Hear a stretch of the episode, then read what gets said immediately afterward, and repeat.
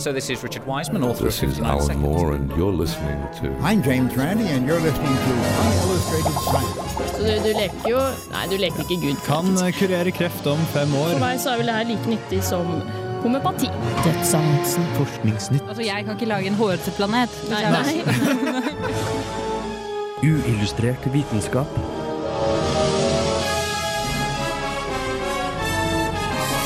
Science, it works, bitches.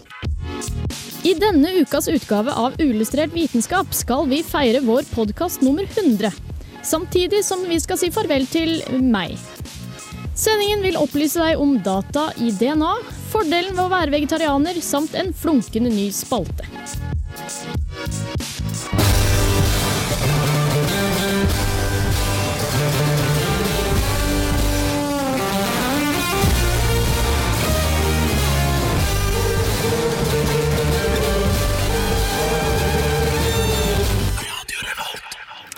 Hei og velkommen til Uillustrert vitenskap. Du hørte akkurat på Side Dune med Where the Wild Things. eh, Og dette her, denne sendingen her eh, blir podkast nummer 100! Ah, for en produktiv gjeng vi er.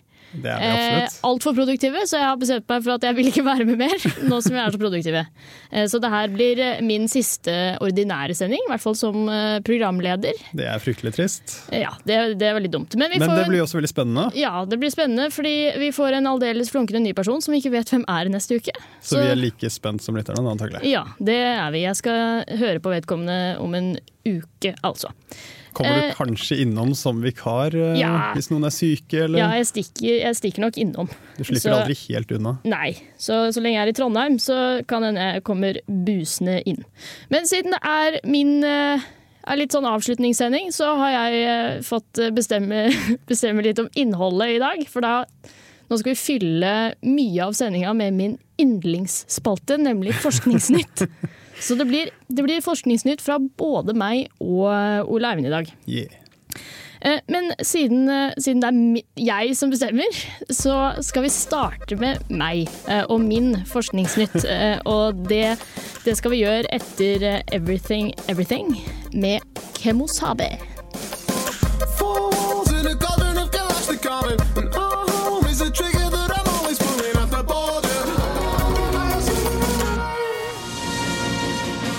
Uillustrert vitenskap presenterer Forskningsnytt.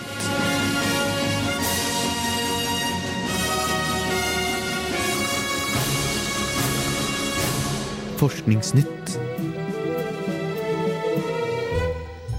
Den siste uken har det blomstra opp en diskusjon rundt våre kjære huskatter og deres vaner idet de forlater huset. Et nytt amerikansk studie har nemlig kommet frem til at katter tar livet av milliarder av fugler og små pattedyr, samt noen millioner amfibier hvert år i USA. Verdens naturvernunion har plassert huskatten på en topp 100-liste over World's Worst Invasive Alien Species, pga. deres potensielle trussel mot utrydningstrua arter. Michael Hutchins, leder for The Wildlife Society, mener folk må komme over sin empati for katten og ta livet av eierløse katter. Dette kattefokuset har også kommet til Norge, da ornitologer har uttalt til NRK at katter er like unaturlige i norsk natur som den forhatte mårhunden. I Norge blir vi i første omgang kun bedt om å sterilisere kattene våre, siden de foreløpig ikke dreper utrydningstrua arter.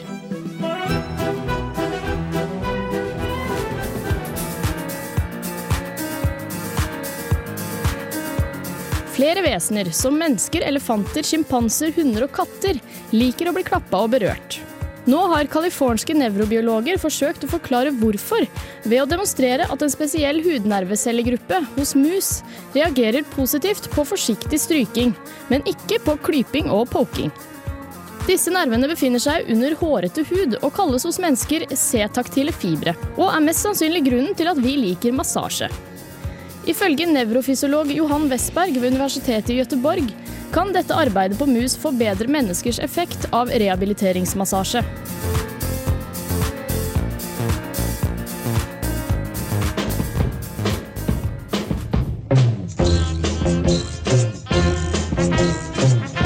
DNA er som vi alle vet livets byggestener.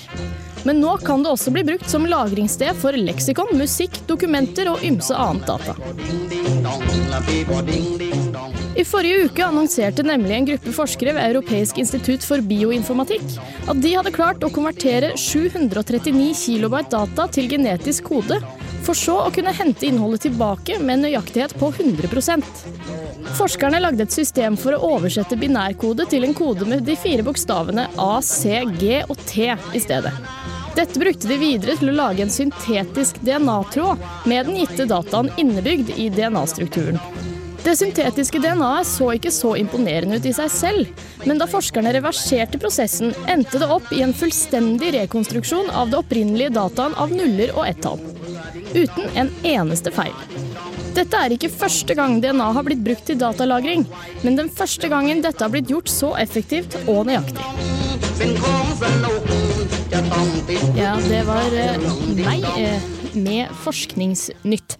Eh, og første, første nyhet i dag, det er en, en fæl nyhet siden USA begynner å vurdere å ta livet av katter. Men de har som sagt ganske mange katter. De har 80 millioner katter i hus, og 80 millioner katter som de har kasta ut, eller som har rømt. Hvordan har de så nøyaktig tall på hvor mange katter de har? Jeg vet ikke, de har, de har telt. Jeg vet ikke hvordan De har spurt folk hvor mange katter de har, og, så har folk svart. Eh, Men det er, det er vel et overslag, vil jeg tro. Eh, Men altså, det, har, det har vært litt sånn fokus på eh, uavhengig forskning de siste årene, og at hvis det er visse sånn selskap og sånn som står bak forskning, så bør man kanskje ikke stole på den. Er det Big Dog som står bak denne artikkelen? Nei, nei, det er ikke det. Nei. Det er, det er vel folk som er redd for at fuglene skal dø ut. Eh, Og, har, og chipmunks har de angrepet en god del av. Og så irriterer de seg også over at de ikke har kvitta seg De gidder nemlig ikke å angripe Rattus norvegicus, eh, den, den norske rotta, som de er Yes. plaga med. De tar heller de søte. Eh, Så, så hva er best, drap eller sterilisering? Ja, Det viser seg jo at det er USA sin litt voldelige måte å gå frem på som er best. Fordi em, katter, eller fremdeles så går jo eh, katter som de har i hjemmet, de står for en tredjedel av de groteske eh, muse- og fugledrapene ute. Men de som er sluppet ut i de fri, de har faktisk prøvd en sånn her eh, fange, sterilisere og slippe ut igjen-strategi. Catch and release? Ja, men det de, det funker ikke, fordi katter er veldig gode til å formere seg. For en katt kan få tre kull med barn eh, hvert år, og de kullene er jo på fire til, til seks eh, unger. Så det er ikke effektivt nok å begynne å sterilisere. Så de må rett og slett ta livet av eh, pene dyr. Trist. Eh, også, eh, det er litt morsom den måten de har telt antall drap på. fordi Det, det har de henta fra tidligere studier, og så har de gjort et overslag etter de studiene. Fordi studiene gikk ut på å sette kameraer på katter Yes. eh, for å spionere på hva de holdt på med om eh, natta og når eh, eierne var på jobb osv. Eh, og så har de også bare fått sånn kjedelig sånn rapport fra eieren. Hvor mange fugler dro han med inn i dag? Ja, Så har de greid å regne seg fram til at det er milliarder av eh, fugler og smådyr som blir spist og drept. Når det først kommer til katter som eh, ja, truer dyr, så, så vil jeg trekke frem en spesifikk katt som eh, jeg syns fortjener heder og ære, til tross for eh, at den har gjort noe forferdelig. Eh, Det er da katten Tibbles, Tibbles. som levde på slutten av 1800-tallet, antagelig også utover eh, 1900-tallet. På Steven Island, som er en sånn liten øy ved New Zealand. Den var jo da ikke bebodd. Så satt de i et sånn fyrtårn der. Og eh, da var det jo en sånn eh, kar som bodde da i fyrtårnet. Og eh, så kom denne katten Tibbles med eh, sånne små fugler da, eh, som han la utenfor døren da, til dette fyrtårnet. Eh, Og det viste seg å være en helt ny art, Steven Island gjerdesmett som den het, som kun eksisterte på den øyen. Og det var en, da en av svært få flyveløse spurvefugler. Oi. Og så noen år senere så var det ingen igjen. Nei. Og det er da denne katten Tibbles som har fått all æren for denne utvidelsen. eh, nå, hvis man da, da går inn på Wikipedia på Steven Island eh, Gjerdesmett-artikkelen, eh, så har jo de gjort litt eh, research og funnet ut at det er ikke helt riktig. Eh, Det fikk hjelp, det var diverse andre katter der også. Oh, ja. Eh, Men, Det er litt likevel, morsommere å gi æren til Tibbles. Ja. Ja. Iherdig innsats. Ja, fordi Norge, eh, Norge har også blitt bekymra, selv om vi ikke har så mange utrydningstruarter som blir spist av katt. Men de sammenligner hus, hjemløse katter med mårhunden, som ligner litt på en vaskebjørn, som ikke har noe i Norge å gjøre. Men mårhunden har altså en skuddpremie på 10 000 kroner noen steder i Troms. Det er lett å bli rik Jeg- jeg- da, hvis det jeg- blir jeg- skuddpremie. Det er forferdelig om det blir skuddpremie på, på katter. Men eh, apropos eh, katter, kjæledyr. Klapping av kjæledyr er, er noe de setter pris på, det har jeg egentlig antatt hele tiden. Men de har funnet ut at mus eh, syns det er eh, ålreit å bli klappa. Hvordan vet man det? Eh, det, det har de funnet ut eh, på samme metode som vi fant ut at krabber ikke liker å få elektrisk støt. De, de klapper den i et rom. Eller først så aktiverer de noen nerver med et stoff de ikke gidder å fortelle hva heter. Som, som, som, får, man til, som får oss til å se hvorvidt en, en mus trives eller ikke. Og så kommer han tilbake til det samme rommet for å bli klappa mer, så han er åpenbart fornøyd med klapping. Og klappinga foregikk eh, ved hjelp av en malepensel på høyre bakfot. Du nevnte i eh, Forskningsnytt-snutten at eh, forskeren mente at dette her ville liksom forbedre massasjeterapi osv.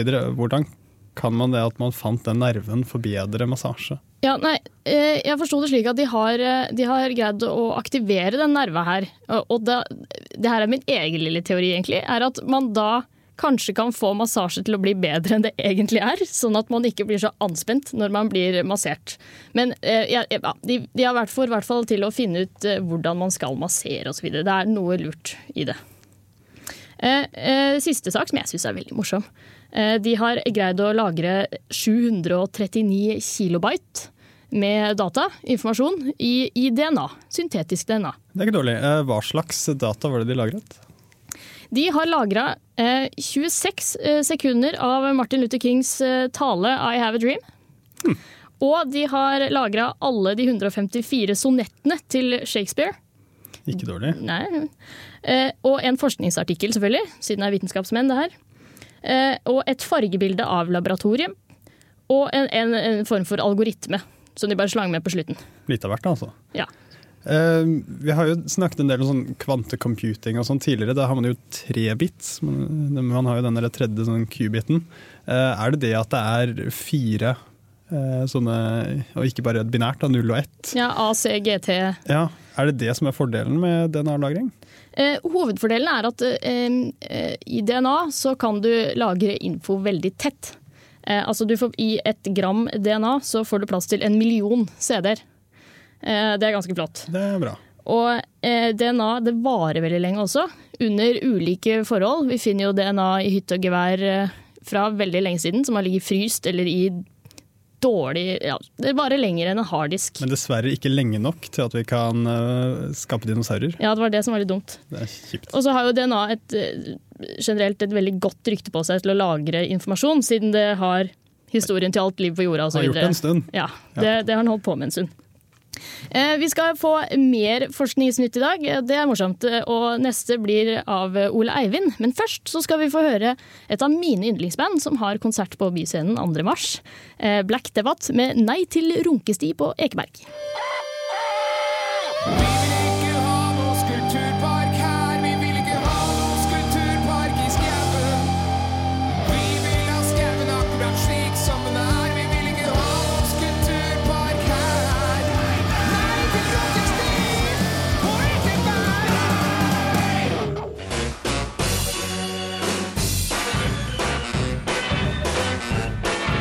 Hei, eh, jeg heter Petter Skjerven, og jeg lytter til Illustrert vitenskap på Radio Revolt så ofte jeg bare kan.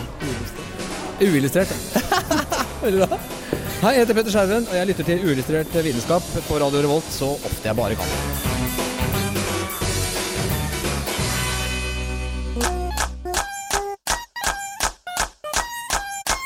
Solceller er fortsatt nokså dyre. Og til tross for dette er de ikke fryktelig lønnsomme å produsere. Den begrensende faktoren er silisium.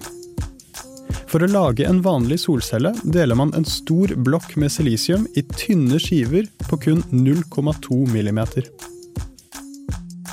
Det trengs rundt 5 gram silisium per watt solenergi, og i høvlingen av skivene mister man rundt halvparten av silisiumblokken i form av spon.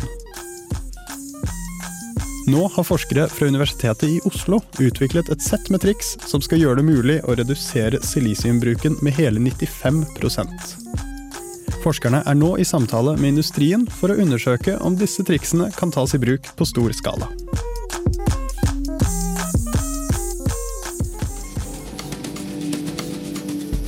Briter har en markant lavere overlevelsesrate ved kreft enn personer i andre utviklingsland.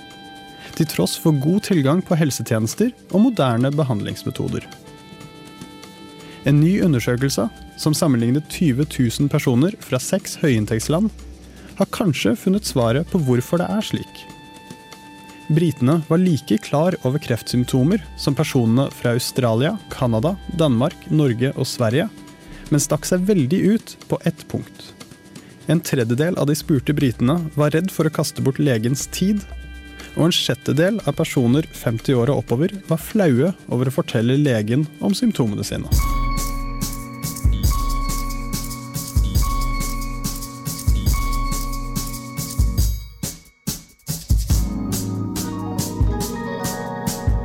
Risikoen for å dø av eller bli innlagt på sykehus med hjertesykdommer er 32% lavere for vegetarianere enn personer som spiser kjøtt og fisk, ifølge en stor studie fra universitetet i Oxford. Hjertesykdom er den hyppigste dødsårsaken i Norge.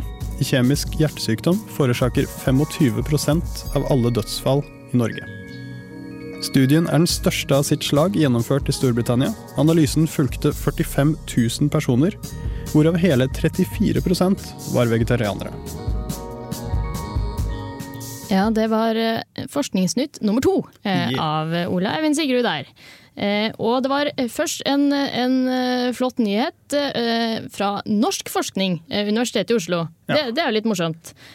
Og det her å gjøre solceller tynnere, det har man jo holdt på med, eller prøvd lenge. Så skal man bruke litt mindre silisium. Vet. du. Ja. Og 0,2 millimeter. Det er det vanlige. Hvorfor kan du ikke bare ha eh, kjempelite? Nei, problemet er jo at jo tynnere du skjærer disse waferne eller flakene, eh, dess mer lys går rett gjennom. Det avhenger også litt av bølgelengden på lyset. Blått lys, som er veldig kort bølgelengde, eh, den kan du fange opp med en veldig tynn skive med silisium. Men rødt lys, eksempel, som er mye lengre bølgelengde, da trenger du mye tykkere ja, silisium. Ja. Og eh, med solcellepaneler så har man jo lyst til å fange opp hele det synlige spekteret, i hvert fall. Ja. Og eh, derfor er de nå på 200 mikrometer, og så har de i tillegg eh, speil, sånn at det da i praksis eh, får dobbel tykkelse. eh, Og da kan fange opp mest mulig. Men hvis du da tar den kortere, så eh, forsvinner en del av lyset bare rett igjennom. Da. Ja, Eh, men det, det, det ga mening. Eh, eh, Du fortalte om eh, at de har kommet på noen triks for å forbedre solceller. Og jeg er, jeg er litt spent. Ja, for det er det her de har kommet frem til da, som virker lovende. Det første trikset er at de bruker noen sånn skikkelig små mikroskopiske plastkuler som de legger oppå. Som lager et ganske sånn uniformt lag over silisiumet. Og det skal få sollyset til på en måte å gå sidelengs. Eh, og dermed eh, ja, vil silisiumet da virke 25 ganger tykkere. Eh, og da vil det fange opp alle de lange bølgelengdene også, med kun 10 mikrometer tynt lag med silisium. Og da, Ja. Sammenlignet med 200 mikrometer, så er det en vanvittig forbedring. Den, det andre trikset er at de driver og eksperimenterer med mikrofordypninger på baksiden av silisiumskiven. Fordi det er gjort noen utregninger som tyder på at eh, hvis det er noen sånn asymmetriske greier på baksiden, så eh, vil den fange opp mer sollys der òg. Ja. Så nå er det jo da i samtale med diverse industrigreier for å sjekke om disse triksene kan brukes på en industriell skala. Så blir det jo spennende. I artikkelen så sa de som vanlig at eh, nei, vi er sikre på at dette her vil kunne settes i produksjon i fem til syv år. Ja, ja, det, Men det klassiske 57 år. Vi har jo hørt den før, da. Ja. Så det, det er stadig vekk forbedringer på solcelle- og batterifronten. Eh, Dette her virker jo fryktelig kult, og de lover stort, så får vi bare se, da. Ja, men forbedringer på solceller har jo skjedd eh, eksponentielt de siste årene, lærte jeg på Enova-konferansen her om dagen. Eh, så så det, det blir gøy. Det blir Ja. gøy å se. Eh, så den andre nyheten er litt morsom, fordi det briter er kjent for, er å være litt sånn Hva, hva heter det? Eh, Snobbete. Ja, disse artiklene nevnte gjerne at det var briters stiff upper lip som forhindret dem i å gå Ja, til legen. Så, så, så nå, nå holder de på å ta livet av seg selv, altså? Med å være seg selv? Ja. De eh, sammenlignet med 20 000 personer fra Australia, Canada, Danmark, Norge, Sverige. Eh, og britene de stakk seg veldig ut på at eh, det var litt flaut å gå til legen og Ja. fortelle om plagene sine. Og så ville de ikke bry da, den legen, de var veldig høflige. Um, og de stakk seg jo veldig ut. Det var veldig mye større andel som kviet seg med å gå til legen av den type årsaker. Men danskene de vegret seg også litt. Eh, Ja, så de er da. nesten like ille. Ja, og eh, danskene hadde også visstnok eh, litt eh, dårligere overlevelsesrate på kreft enn en del land som man kan sammenligne Danmark med. Men de var jo klart bedre enn Storbritannia, og de skilte seg veldig ut på det. Hvordan gikk det med Norge? Eh, Norge de gjorde det bra. Ja, det var godt å høre. deler. Ja. Men jeg har, jeg har sett på TV også at briter har litt problemer med å gå til lege, for de må vente helt til det kommer et TV-team med, med å forklare åssen sykdommer de har. Ja, det, det er alltid veldig eh, fascinerende. Det er spesielt da sånn Du har noe ekkelt som vokser på kjønnsorganet ditt. Altid det. Og så kvier du deg selvfølgelig å gå til legen. Det kan jeg skjønne er litt flaut, men med en gang det da blir nasjonal TV-dekning, Ja. så er det plutselig ikke flaut å slenge den ut og vise den til hele landet. Eh, Men eh, ja, Norge kom jo veldig godt ut da i denne undersøkelsen. Men eh, sånn litt apropos så var det jo en artikkel på forskning.no her for en liten stund siden om en doktorgradsavhandling i Tromsø. Der er det intervjuet eh, 21 eh, samer. Eh, Og forskeren ville ikke generalisere. eh, Som, det er ikke sikkert det gjelder alle samer, men der var det det at eh, disse samene som ble intervjuet i den doktorgradsavhandlingen, de ville heller ikke bry andre da, med å snakke om sine egne plager. Og at det da kunne være utfordring i helsevesenet. Altså, de også syns det er litt pinlig. Nei, det var ikke det at det var pinlig, og det var ikke noe sånn tabubelagt å være syk, men at det var på en måte Skulle ikke bry andre. ja. Eh, Det var på en måte Du skulle klare det selv, da. Eller noe sånt. Ja, men det er, I andre sammenhenger så kan jo det her være en ganske god eh, egenskap. Eh, men eh, hvis man er syk, så hadde det vært ålreit om vi gikk til, til legen. Eh, eh, sunnhet eh, og vegetarianerdiett Ja. eh, er eh, siste nyhet. Og det var, var et ganske stort studie. Ja, det var eh, 45 000 frivillige, eh, hvorav 34% vegetarianere. Og det er veldig sjeldent man ser en så stor andel vegetarianere i slike store studier. Eh, Det begynte på 90-tallet, og eh, de frivillige det ble fulgt da frem til 2009. I løpet av den tiden så var det 1235 tilfeller av eh, hjertesykdom og 169 eh, dødsfall, så du hadde da ganske godt grunnlag da, til å sammenligne. Ja. Men eh, er, det ikke, er det ikke heller noen andre faktorer enn bare gulrøtter, eller dietten, som, som kan forklare fordeler med hjertesykdommer?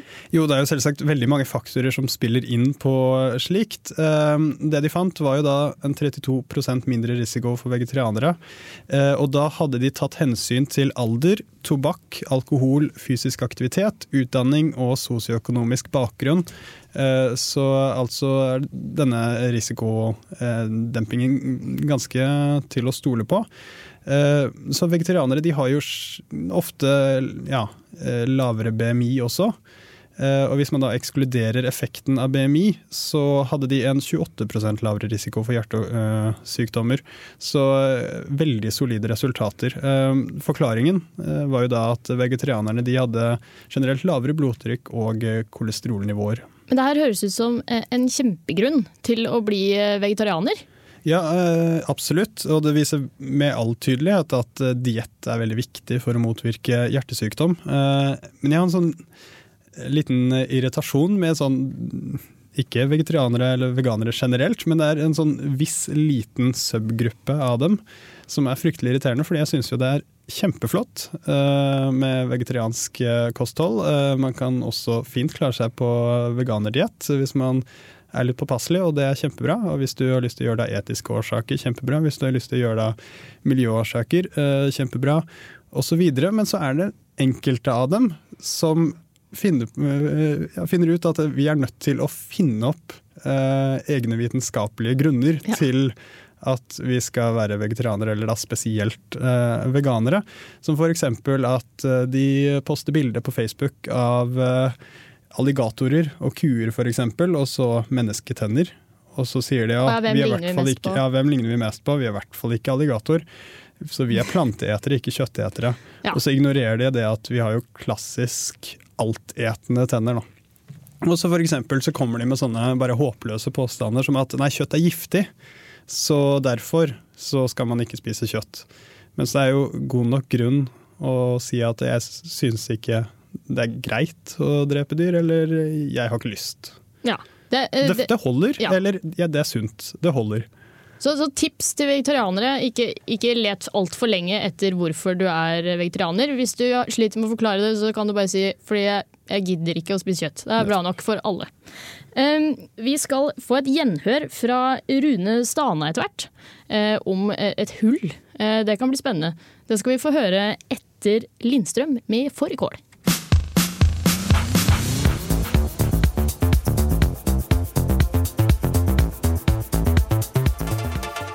Radio Revolt. Последний месяц, в ноябре 17 Året er 1970, og i Russland planlegges et storstilt forskningsprosjekt. På Kolahalvøya, under to mil fra grensa til Norge, skulle man grave et hull i bakken dypere enn noe annet. Hvorfor? Tja, hvorfor ikke? Почему решили на такую меру сегодня выйти? А, потому что не платят. Den 24. mai 1970 tok russerne turen til Kolahalvøya og begynte å grave. Målet var å grave seg ned til 15 000 meters dyp. Etter mange år med boring passerte prosjektet 12 000 meters dybde. Dette var en så stor milepæl at man tok en pause for gravingen og feiret i et års tid.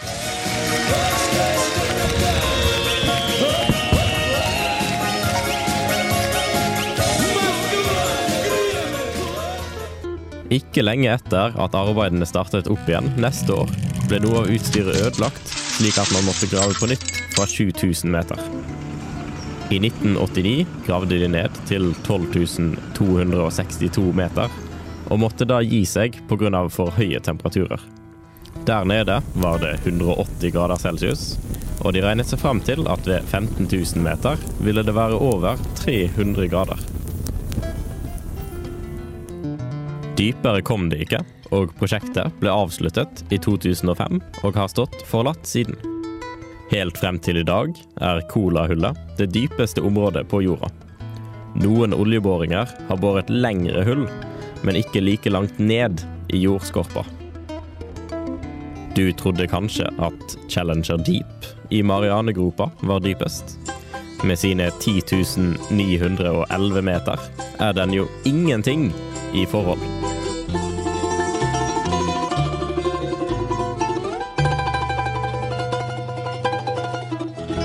This is Alan Moore, and you're listening to Unillustrated Science.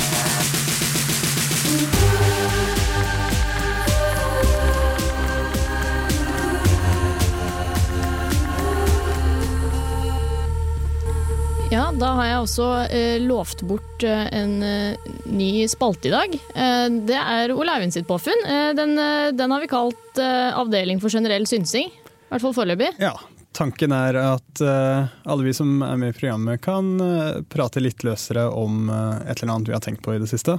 Enten det er noe vi har lest eller noe vi har fundert på eller Ja. noe sånt. Ja.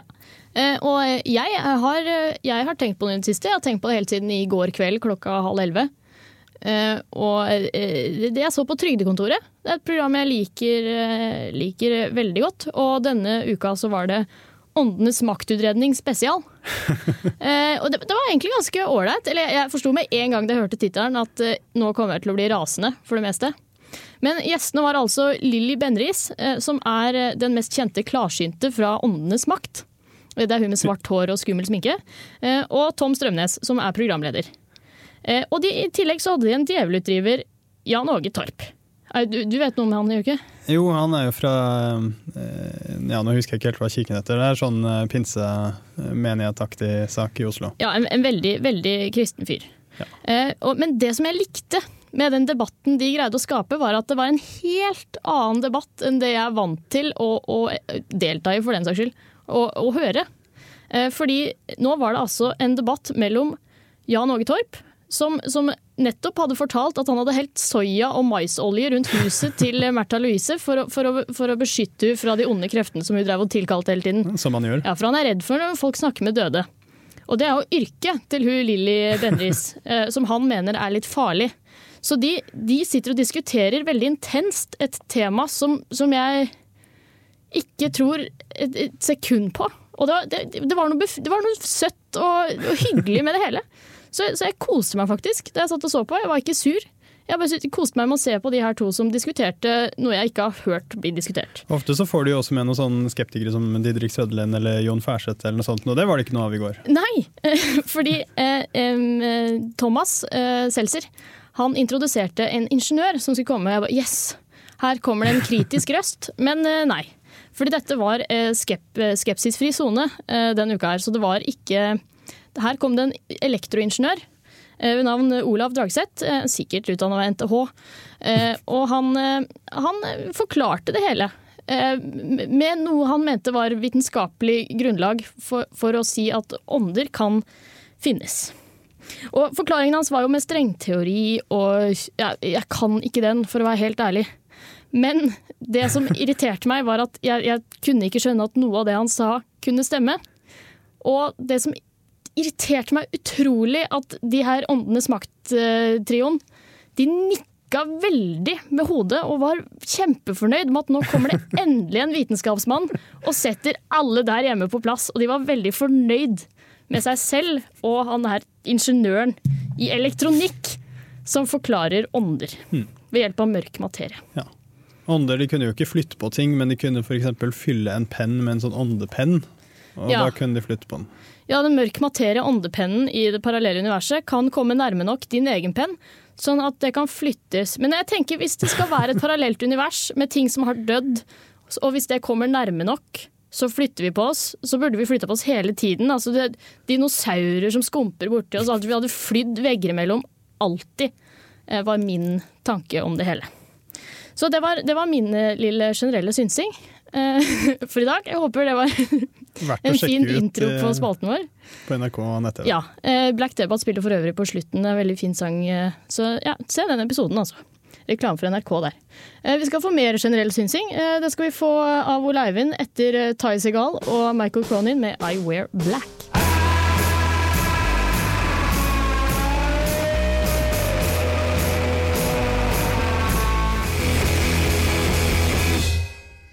Wear Black eh, het den låta av Ty Segal pluss eh, kollega. Eh, vi er fremdeles i spalten som heter Avdeling for generell synsing. Eh, og nå er det Ole Eivind. Du har, tatt, du har, du har synset litt om vindkraft denne uka. Ja, eller synsing og synsing, men jeg har vært innom og lest på kollokvium.no, som er en veldig god sånn populærvitenskapsblogg. Der var det Bjørn Samset som hadde skrevet et innlegg om hva om all vind ble brukt til strøm, som var fryktelig spennende. Han skriver da om en artikkel eh, som ble publisert i eh, Nature Climate Change, som tar utgangspunkt i en av verdens mest detaljerte klimamodeller. Undersøker hvor mye energi man kan hente ut av eh, atmosfæren med vindmøller. Og siden også vindmøller påvirker vinden selv, så har de også undersøkt hvordan det vil påvirke klima. Eh, Og ja, menneskers energiforbruk fra alle energikilder er i dag 18 terawatt. Og eh, de kom frem til at eh, hvis man da utnytter all den energien man kan utnytte fra vind ved jordens overflate, så blir det 400 terawatt. Ja. Så en god del mer enn det vi bruker i dag. Og eh, hvis vi får utnyttet vinden høyere opp i atmosfæren også, så kan man trekke ut hele 1800 terawatt bare ved vindkraft. Og så undersøkte jeg hvordan vil det påvirke klimaet. Kan jo bli litt sånn skummelt med vindmøller over hele jorden. Ja. Eh, hvis man holder seg under eh, 400 terawatt, så vil det ha svært liten effekt på klima. Eh, det vil føre til en oppvarming på 0,01 grad, kom de frem til. 1 eh, endring i mengde nedbør. Eh, og så vil det også føre til en liten endring av eh, atmosfærens eh, sirkulasjonsmønstre. Eh, Men alt dette eh, var, eh, som eh, Bjørn Samset skriver, eh, innenfor eh, den årlige variasjonen. Og dette er også, som man påpeker, en engangseffekt, som f.eks. det er jo ikke da 0,01 grad temperaturøkning for hvert år, det er Nei. bare én gang. Ja. Så det høres jo flott ut. Så er jo spørsmålet hvor realistisk det er. Man ser jo at det blir jo ville protester bare man skal sette opp sånn to vindmøller i Ja. norsk natur. Så det er kanskje ikke så populært, men spørsmålet blir ja, det blir opp til eh, politikere. Er det verdt investeringen? Og teknologene, er dette på en måte praktisk mulig? Eh, men jeg syns det er utrolig kult da, at det er i hvert fall teoretisk mulig å kun leve av vindkraft. Det er jo så fornybart som det blir. Ja, eh, og det, er, i dag så er det vel 3 eh, av kraftproduksjonen er eh, vindkraft. Ja. Eh, og noe morsomt jeg leste i Teknisk Ukeblad eh, her, denne uka her, eh, det er at eh, man ser jo på Kina ofte som eh, en klimaskurk, eh, eller en gjeng som bare bruker kullkraft og driter i eh, klima. Men eh, det er altså Kina som er aller best på vindkraft. Det er de som, eh, som jobber mest med vindkraft og solcellepaneler. Og det, det er de som er flinke på det her, så det er de vi kan lære av eh, faktisk når det kommer til eh, vindkraft. De er vel størst sånn på alle former på for Eh, energi for tiden. har jeg en teori om. Ja. Eh, Så sjekk ut kollokvium.no. Eh, Veldig mye bra som skrives der. Eh, Ja, her får du Orions med Dado Beach, litt surferock fra Tel Aviv.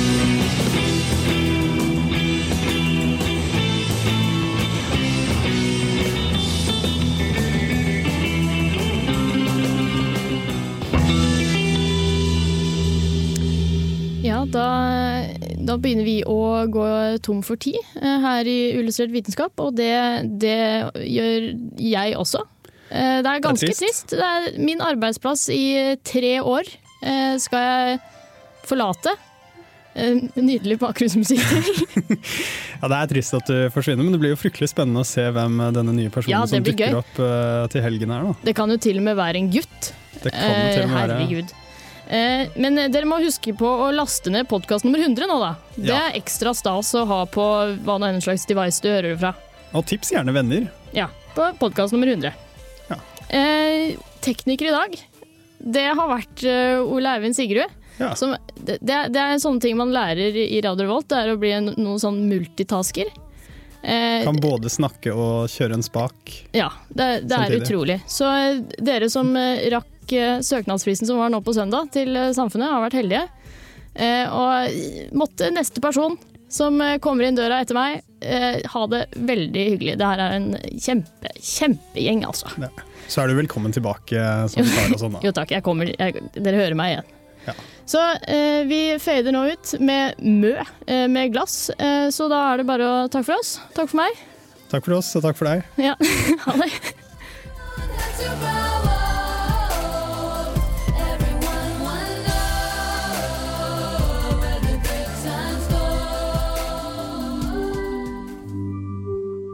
Uillustrert vitenskap er Midt-Norges eneste teknologimagasin på lokalradio.